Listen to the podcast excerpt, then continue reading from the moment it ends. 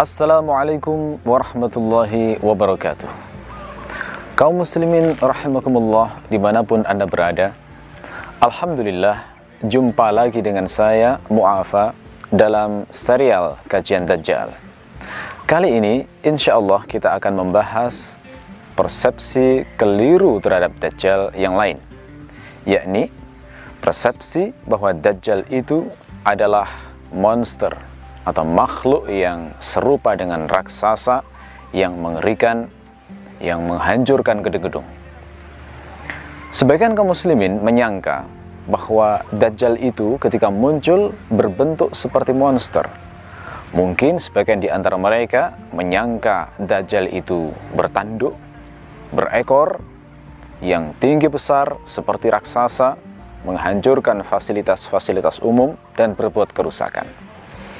Persepsi ini sesungguhnya adalah persepsi yang keliru.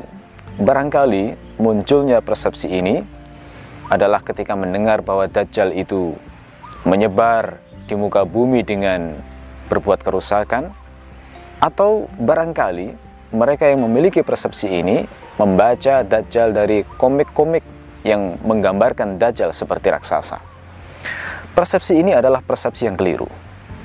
Coba kita pikir secara logika. Jika Dajjal itu adalah berupa seperti monster, seperti raksasa yang merusak, bagaimana mungkin dia akan menjadi fitnah? Bagaimana mungkin dia akan diikuti oleh mungkin jutaan atau miliaran orang? Bagaimana mungkin dia akan dirindukan? Bagaimana mungkin dia akan dielu-elukan? Nabi dalam sejumlah riwayat mengatakan Dajjal itu ketika muncul akan dielu-elukan, diikuti oleh banyak orang. Kalau dia berbentuk raksasa, kalau dia berbentuk monster, Logika sederhana, orang pasti akan takut dengan makhluk seperti itu. Kalaupun tidak takut, minimal akan ditangkap, dimasukkan ke kebun binatang, dijadikan binatang tontonan. Itu yang logis jika Dajjal berbentuk monster. Memang persepsi ini yang keliru, karena memang Rasulullah sama sekali tidak pernah menggambarkan sebagai tidak pernah menggambarkan Dajjal sebagai makhluk seperti raksasa. Rasul menggambarkan Dajjal itu biasa, seperti manusia kita pada umumnya. Rasul menggambarkan Dajjal itu dengan ciri-ciri manusia. Di antara contoh hadis Nabi yang sangat jelas menunjukkan bahwa Dajjal itu adalah manusia biasa, bukan monster, bukan alien, bukan jin, dan juga bukan setan. Di antaranya adalah hadis Nabi yang diriwayatkan oleh Imam Muslim.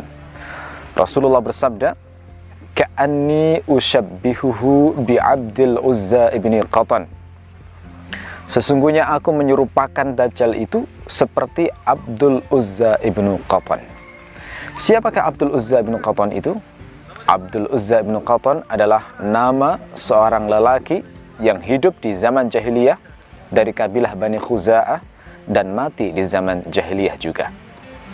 Kalau Rasulullah menyerupakan Dajjal seperti laki-laki yang bernama Abdul Uzza bin Qatan, sementara Abdul Uzza bin Qatan adalah laki-laki biasa, maka ini dalil yang sangat kuat menunjukkan Dajjal itu manusia biasa, bukan monster dan bukan raksasa.